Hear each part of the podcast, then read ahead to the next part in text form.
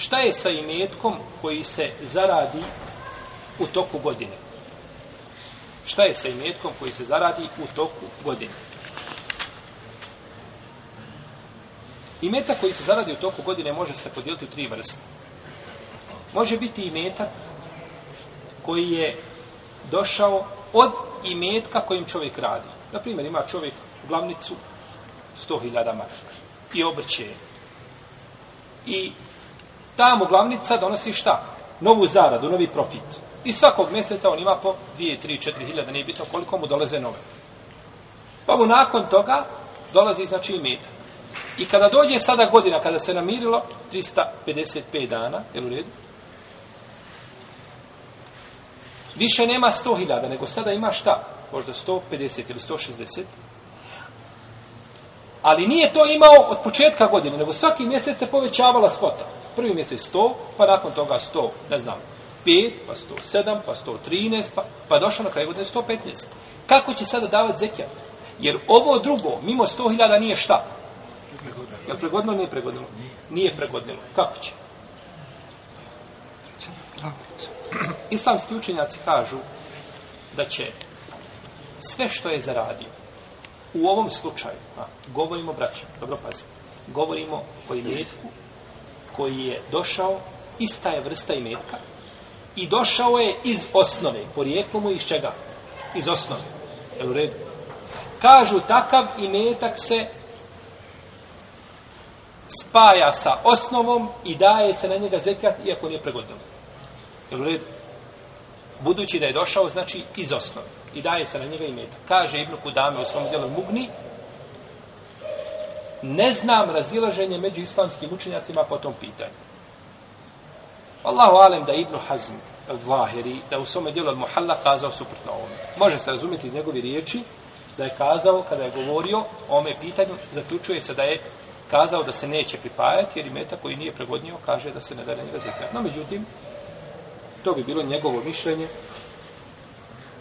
dok drugi učenjaci kažu da se šta? Da je zekjat na imeti. To je prva vrsta imetka koji je došao nakradno, a to je imetak koji se znači dobije iz osnove. Koji se dobije iz osnove. Pa se treba spariti. Ili imaš krave ili deve. I došla su mladunčad, povećao se broj. Povećao se broj. Pa su došle šta od iste? Jesu došle od osnovne imetka? A je li su? Jesu od osnovne imetka. Pa se treba priključiti ono što je došlo od imetka, to je osnov. Pa se onda sve uzima na kraju godine koliko bude čovjek daje na to zikr. Druga je vrsta imetka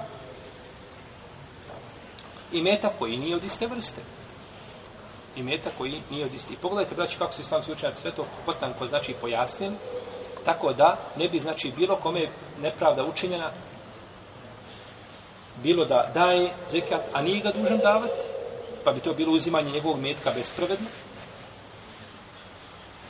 I, ili da čovjek ne daje zekat, a dužan ga Druga, znači, vrsta je i meta koji nije od iste vrste.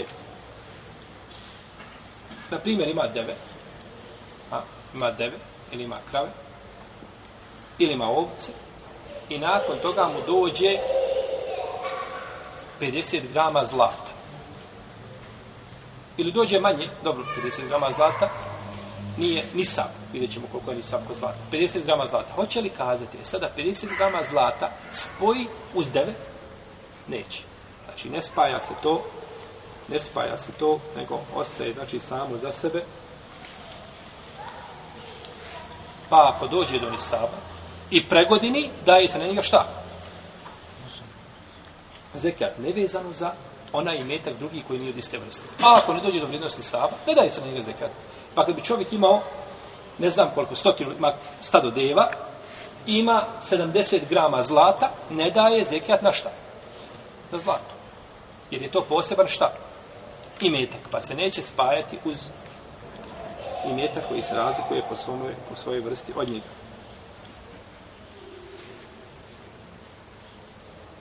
I imamo treću, ove dvije su znači jasne. Imamo treću koja je šta? Sporna. A to je imetak, braćo, koji je došao od iste vrste, ali nije iz osnove. Na primjer, čovjek ima stotinu ovaca i nakon toga komšija mu kaže, evo ti komšo još 50 mojih poklona hedije. Ili kupi drugi stotinu, nije bitno. E sad, te što su mu došle druge, one su od iste vrste, ali su li došle iz te osnove? Nisu. Nemaju veze sa osnovom. Iako su od iste vrste. Šta je znači sa tim imetkom? Pa tu islamski učenjaci imaju, imaju dva mišljenja. Prvo mišljenje je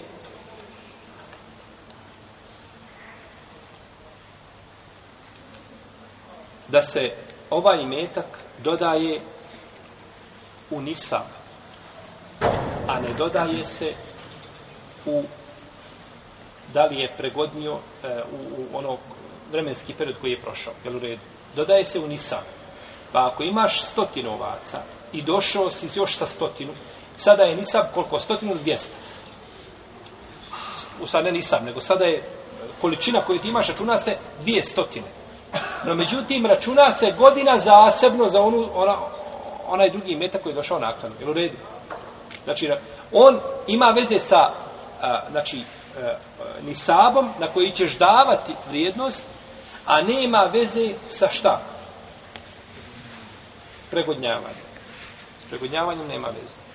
Jeste razumijeli? Nisam. Hm? Nisam. Nisam, jeste? Ja nisam. Nisam. Znači, čovjek kupio, imao je stotinu deva. I kupio još nakon toga dvadeset onih 20 što je kupio, kada se namiri ovih stotinu godina dana dođe, za onih 20 će biti recimo 6 mjeseci. Hoće li davati zekat na onih 20? Neće. Jer one nisu pregodnile. Ali kada dođe, kada skupa bude obračunavao zekijat, on, on računa se znači da ima 129. Pa vrijede znači za tu količinu, za taj nisab koji ima, kada dođe kasnije, ako bi jednoga dana davao skupa zekijat, da nije davaće na koliko? Na 120 ali nije dužan na onih 50 ili 20 da daje zekijat dok ne pregodine. Za razliku od onoga prvog imetka koga smo kazali, kada ima, na primjer, ima 10.000 eura. I ti 10.000 eura, eura mu dadne još dvije, pa ima 12. Dok se napuni godina na onih 10.000, da je zekijat Dok vamo ne daje, nego trebaju pregodniti. Jel u redu? Možete onda ostaviti. Ostavite ono što kaže ministar. Možda se to buni. Ne daje zekijat na onaj dio šta dok ne pregodi. Dok ne pregodi. I to je stav a, šafije i to je stav imama Ahmeda. To je stav, znači, šafijske pravne škole i to je stav a, e, e, hambelijske pravne škole. Dok kaže imam Ebu Hanife, nikako. Priključi se ono drugo prvom dok su iste vrste i daje se na sve zekijat. Kao šta? U prvom slučaju. Kao u prvom slučaju. Pa Ebu Hanife ne pravi razliku da li je taj imetak došao iz osnovi, nije. Bitan je da je šta od iste i to se završava. Dok kažu drugi učenjanci, ne pravi se razlika da li je ovaj došao od njega ili nije od njega. Jel u redu? To su znači te tri vrste. To su te tri vrste imetaka. Wallahu alam, ovdje autor nije spominjao prioritetnije mišljenje,